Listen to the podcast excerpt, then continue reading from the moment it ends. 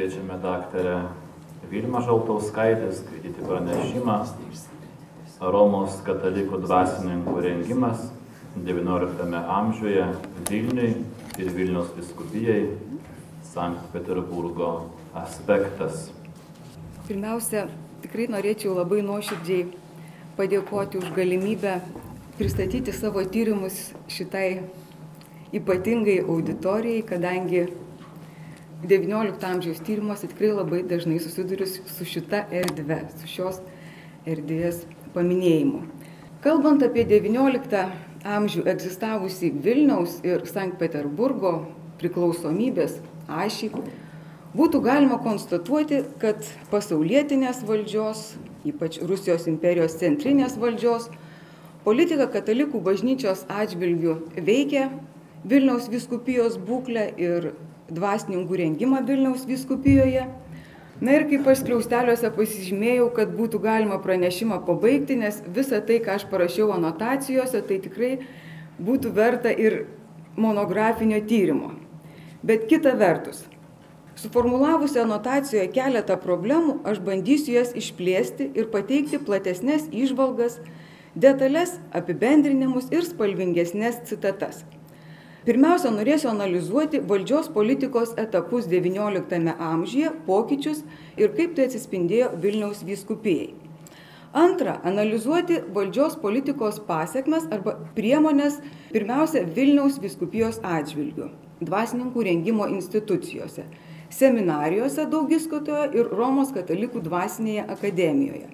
Pirmiausia Vilniuje, o paskui Sankt Peterburgė.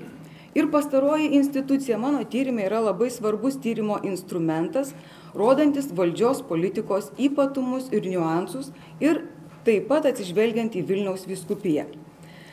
Trečia, norėsiu trumpai aptarti dvasininko Jono Arcimovičiaus biografiją arba tiesiog pranešime akcentuoti autobiografijų dvasininkų karjerų turinį ir parodyti, kaip dvasininko karjeroje būtent sudalyvauja kabutėse pasaulietinės valdžios politika ir tas Peterburgo aspektas.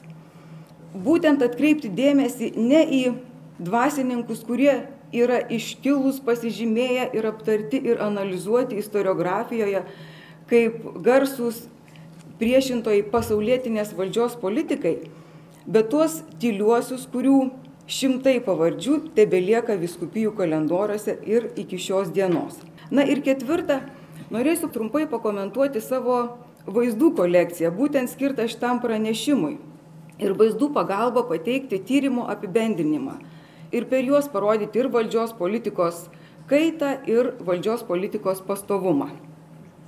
Tai XIX amžiaus vidurio Vilniaus viskupijos žemėlapis, kuris tokiomis administracinėmis ribomis būtent Vilniaus viskupija pasiekė ir 1905 metų tolerancijos įsaką ir visus tolimesnius 20 amžiaus pervartos pokyčius 18, 20 ir 26 metais.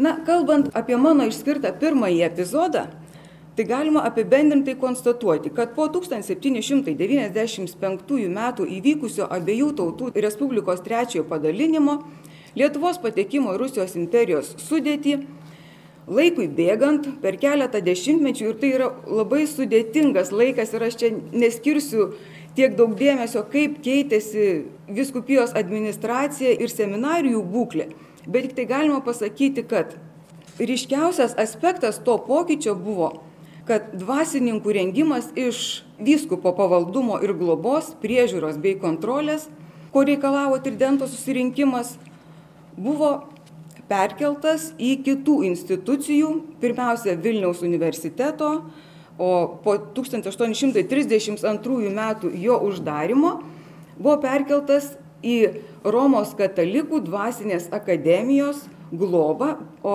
dar plačiau arba einant link Sankt Peterburgo, tai pirmiausia tai buvo Romos katalikų kolegijos priežiūroje ir netgi vidaus reikalų ministerijos priežiūroje. Istoriografijoje apie šį XIX amžiaus pirmųjų dešimtmečių laikotarpį iš tikrųjų yra daug kryžiuojama iečių ir pasakojama, kokios Vilniaus vyriausioji seminarija, Vilniaus diecezinė seminarija, kurios buvo susijėtos ir galiausiai nuo 33 iki 1842 metų veikusi Romos katalikų dvasinė akademija, kokios buvo pasaulietinį valdžios užsakymą atliekančios ir netgi jozefinizmo dvasia dvasininkus aukliojančios įstaigos. Tačiau visus šitus teiginius arba išvadas galima nebejotinai įrodyti skaitant pasaulietinės valdžios įstatymus ir aplinkraščius. Kita vertus, man teko nagrinėti būtent šių institucijų regulas ir kaip regulose atsispindėjo bandymas bažnyčios pastangos išlaikyti institucijas būtent vyskupo globoje arba tos potridentinės bažnyčios dvasininkų lavinimo idėjų erdvėje. Bet būtų galima apibendrintai pasakyti, kad regulos 1839 m. regula, kuri buvo parengta Vilniaus Romos katalikų dvasiniai akademijai, toliau regula 1862 metų, kuri jau veikė akademijoje Sankt Peterburgė.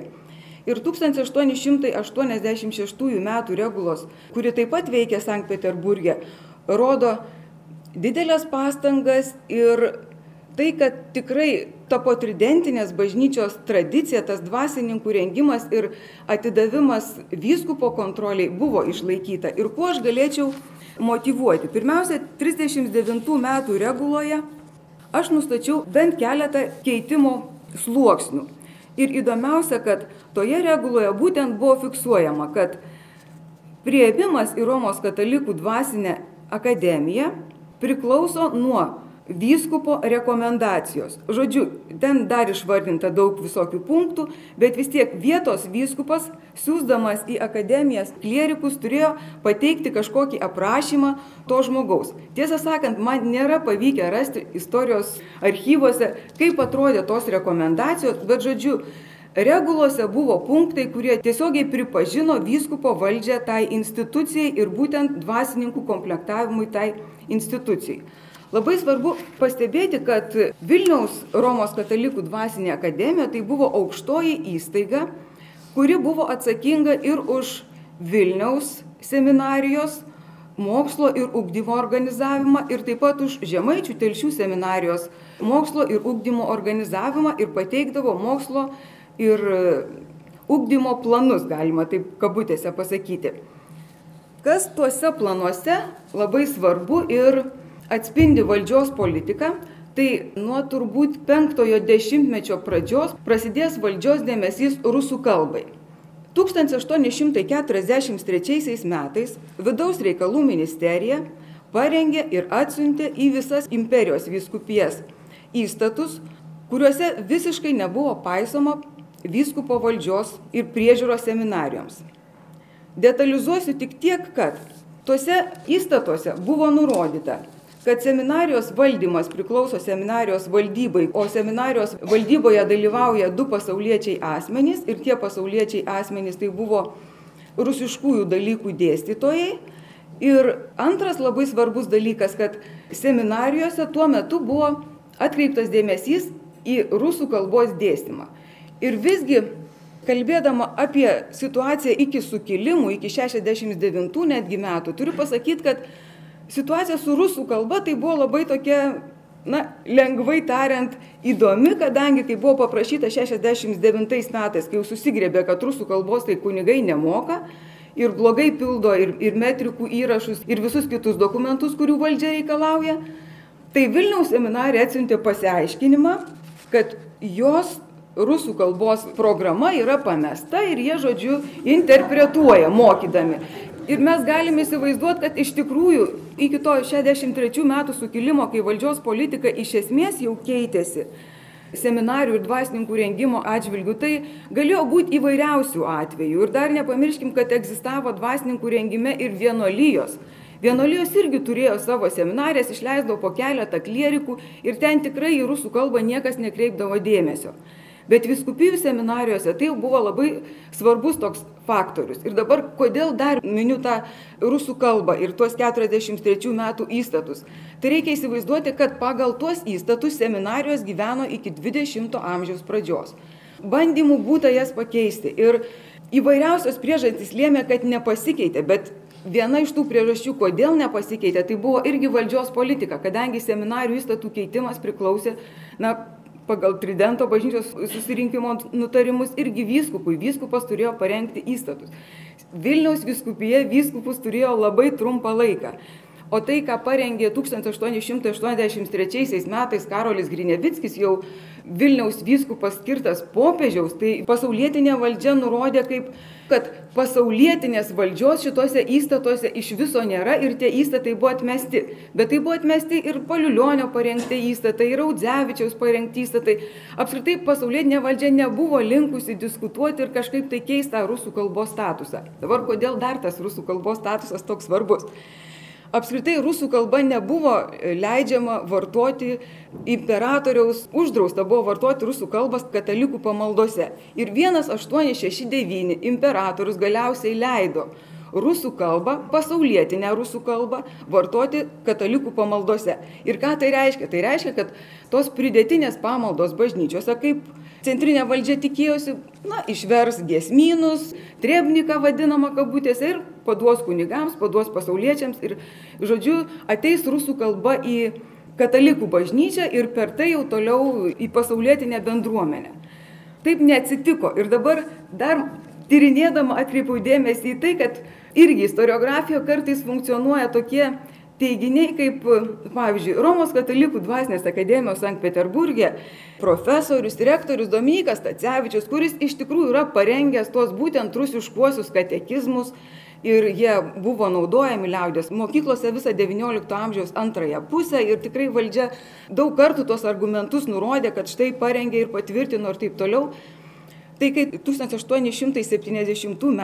kovo 11 dieną gavo iš vidaus reikalų ministerijos nurodymą pateikti savo pasiūlymus dėl rusų kalbos vartojimo katalikų bažnyčioje, tai jisai parašė kokių, nežinau, 20 puslapių didžiausią raštą ir svarbiausia, kas buvo, kad valdžia priekaištavo, kad akademijoje neišmoko tų žmonių, kurie paskui ateina į seminarijas ir reikalauja iš savo klierikų rusų kalbos tinkamų žinių ir aiškino, kad praleidžia paskaitas dėstytojai, neteina. Valdžia reikalavo, kad sumažintų klierikų dalyvavimą bažnytinėse šventėse, neleistų klierikų dalyvauti miesto bažnyčiose, atlikti išpažinti ir taip toliau ir taip toliau. Ten irgi buvo dideli reikalavimai. Tai būtent tas rektorius Dominikas Tacevičius labai aiškiai išdėstė ir pasipriešino tokiems valdžios projektams ir labai tokiais nu, aiškiais teologiniais ir labai aiškiais konfesiniais argumentais įrodė, kad klierikai dalyvaus visose bažnytinėse šventėse, kaip jie renksis ir, ir išpažinties tikrai neribos. Tai tas toks valdžios politikos ir vertinimas, kaip tie žmonės dalyvavo toje valdžios politikoje, yra tikrai, mano galva, labai nevienareikšmiškas ir sudėtingas. Dėl to dar norėčiau truputėlį pakalbėti apie seminariją Vilniuje po sukilimo arba tą laikotarpį, man labai patiko, kai toksai kunigas Kazimiras Pacinka įvardino dvasinės anarchijos laiką. Žodžiu, po sukilimo iki vyskupo 1883 metais skirimo. Tai kas dėjosi Vilniaus seminarijoje? Profesorius Vytautas Merkys savo monografijoje rašo, kad Vilniaus seminarija beveik nustojo egzistavusi, nepriiminėjo klierikų, Ašgi pasakyčiau, kad situacija buvo truputį kita. Archyviniai dokumentai rodo, kad seminarija oficialiai niekada nebuvo uždaryta, ji veikė ir netgi turėjo klierikus. Tiesa, jie kasmet mažėjo ir galiausiai 1872 metais te liko vos keturi klierikai. Tačiau į seminariją atvykdavo ir stodavo klierikai, Iš seminarijos išvykdavo dažniausiai į Lenkijos karalystės seminarijas klierikai ir paskui jau nebegalėjo grįžti. Seminarija įsisavindavo visas lėšas, kurias skirdavo Rusijos imperija, nežiūrint to, kad klierikų buvo nedaug ir kad paskaitų turbūt daug nevykdavo. Tačiau seminarija iš tikrųjų buvo tuo laikotarpiu labai ypatingas darinys, kadangi joje gyveno ne tik tai klierikai, bet joje gyveno ir tie asmenys, kurie laukia išventinimo, kadangi nuo pasaulietinės valdžios ir nuo rusų kalbos žinių egzaminų lygio priklausė, ar klierikas bus išventintas į kunigus ar ne, ar pasaulietinė valdžia duos leidimą ar ne. Tai čia dar seminarijoje gyveno tų asmenų, bet to gyveno baustieji asmenys arba šiaip į Vilnių atvykusieji asmenys. Žodžiu, seminarija iš tikrųjų buvo labai spalvinga kompanija ir ką tie seminaristai patyrė būdami tarptų žmonių, kokias kultūrinės patirtis ir apskritai kokią savivoką formavo, tai tiesiog būtų labai sudėtinga nustatyti, bet aš dėl to ir noriu nors trumpai papasakoti apie tokį Joną Arcimovičių, klieriką seminaristą, kuris pradėjo dar prie Krasinskio, kuris buvo priimtas tada, kai seminarijoje buvo 120 studentų, kai dar galėjo būti. Jis buvo priimtas 1862 metais, bet priimtas tik tai kaip į parengiamąjį kursą. Tada prasidėjo sukilimai, žodžiu, visi šitie neramumai ir seminaristas taip ir liko tik tai to parengiamojo kurso narys. Galiausiai 64 metais pasaulietinė valdžia susirūpino, kiek tų klierikų iš tikrųjų yra Vilniaus seminarijoje ir tada nusprendė pašalinti visus, kurie priimti be generalgubernatoriaus sutikimo. Tačiau už tą Joną Arcimovičių ir už dar keturis klierikus seminarijos vadovybė garantavo ir, žodžiu, jie pasiliko seminarijoje. Tai jie mokslus baigė. Įdomu, kad tie jų mokslai išsitėsė tiek, kad net ne po pilno seminarijos kurso Arcimovičius buvo išsiustas į Sankt Peterburgo akademiją ir ten gavo teologijos magistro laipsnį 69 metais. Ir kaip aš jį atradau? Atradau labai ugningą 73 metais Pinsko dekano raštą, kai jisai labai ugningai ir taip labai teologiškai svariai patvirtina, kad jis vizitatoriaus nurodymų ir vizitatoriaus aplinkrašių nepriims ir neklausys. Dėl to, kad vizitatorius yra pasaulietinės valdžios skirtas asmuo.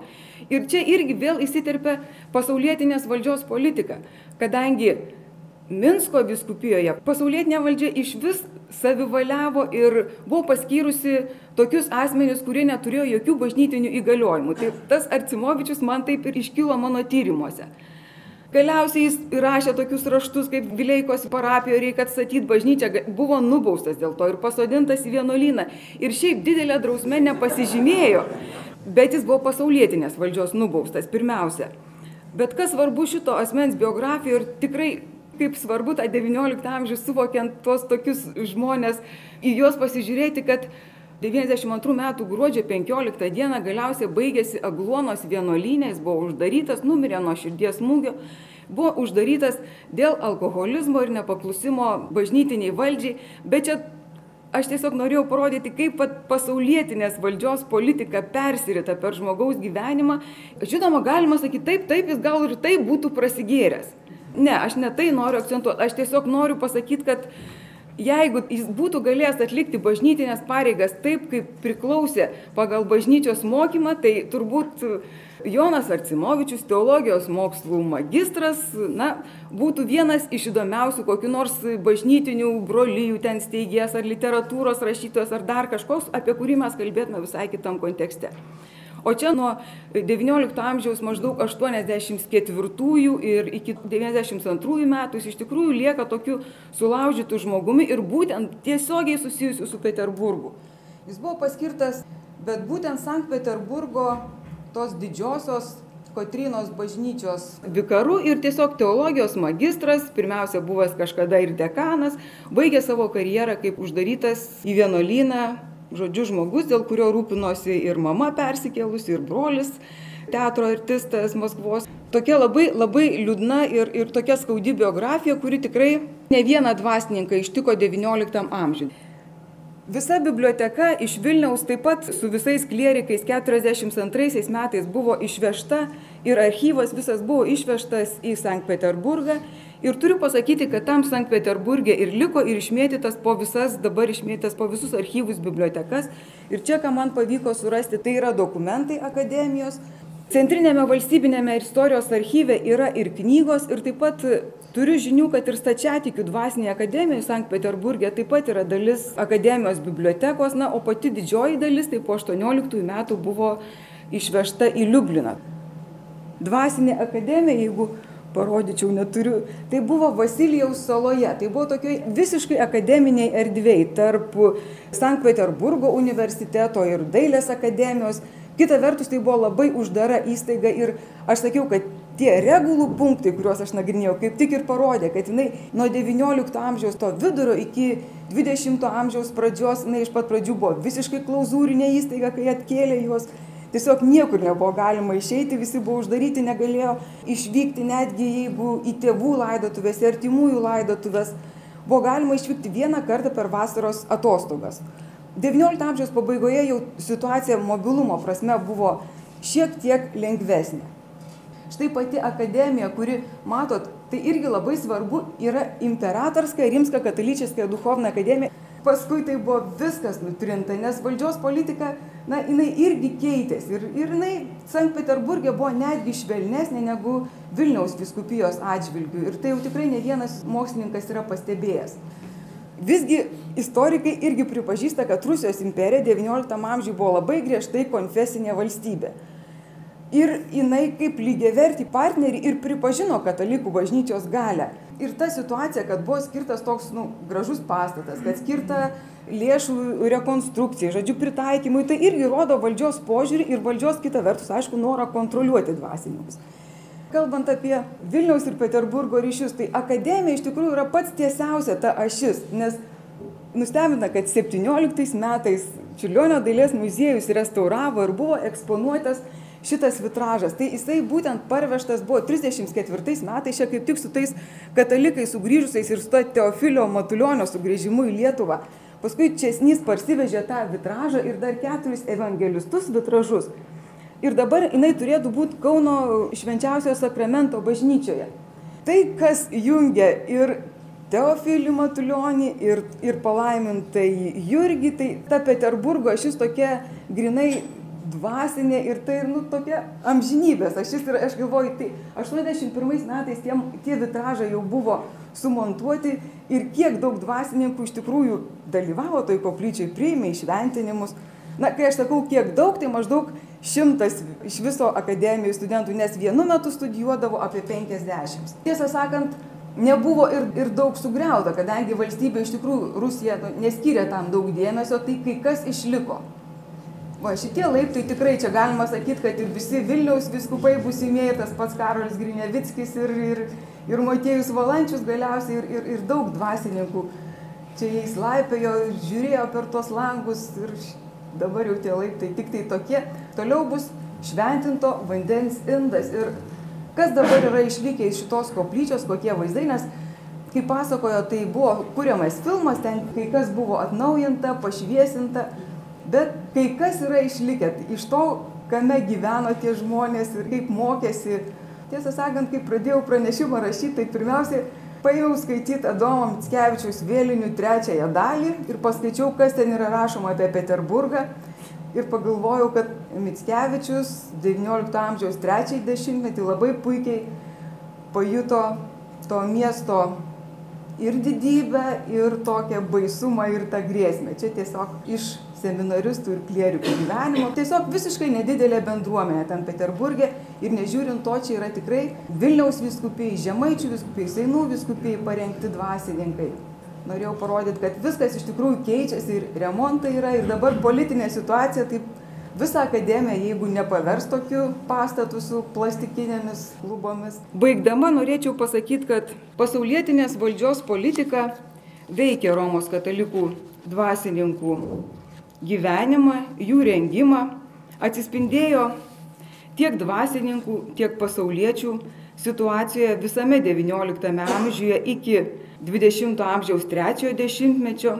Tačiau pasaulietinė valdžia, turėdama reglamentacinius įrankius, jinai vis tiek negalėjo kontroliuoti viso dvasininkų ir dvasininkų rengimo institucijų gyvenimo Ir tai, kas vyko tam gyvenime, kartais, žinoma, užsikonservuodavo, kartais būdavo išlaikomas tik status quo ir neteidavo modernybė, bet galiausiai tos, ta modernybė ateidavo kitais kanalais. Ir jeigu Rusijos istoriografija yra tokių nuomonių, kad valdžios politika padėjo reformuoti Romos katalikų dvasininkų rengimą, požiūrį į jas, tai galima būtų teikti, kad turbūt ir be Rusijos valdžios politikos tas reformavimasis, tas valstybės ir bažnyčios santykių peržiūrėjimas jis vis tiek būtų atėjęs ir turbūt būtų atėjęs galbūt greičiau ir kitaip. Tai dėkui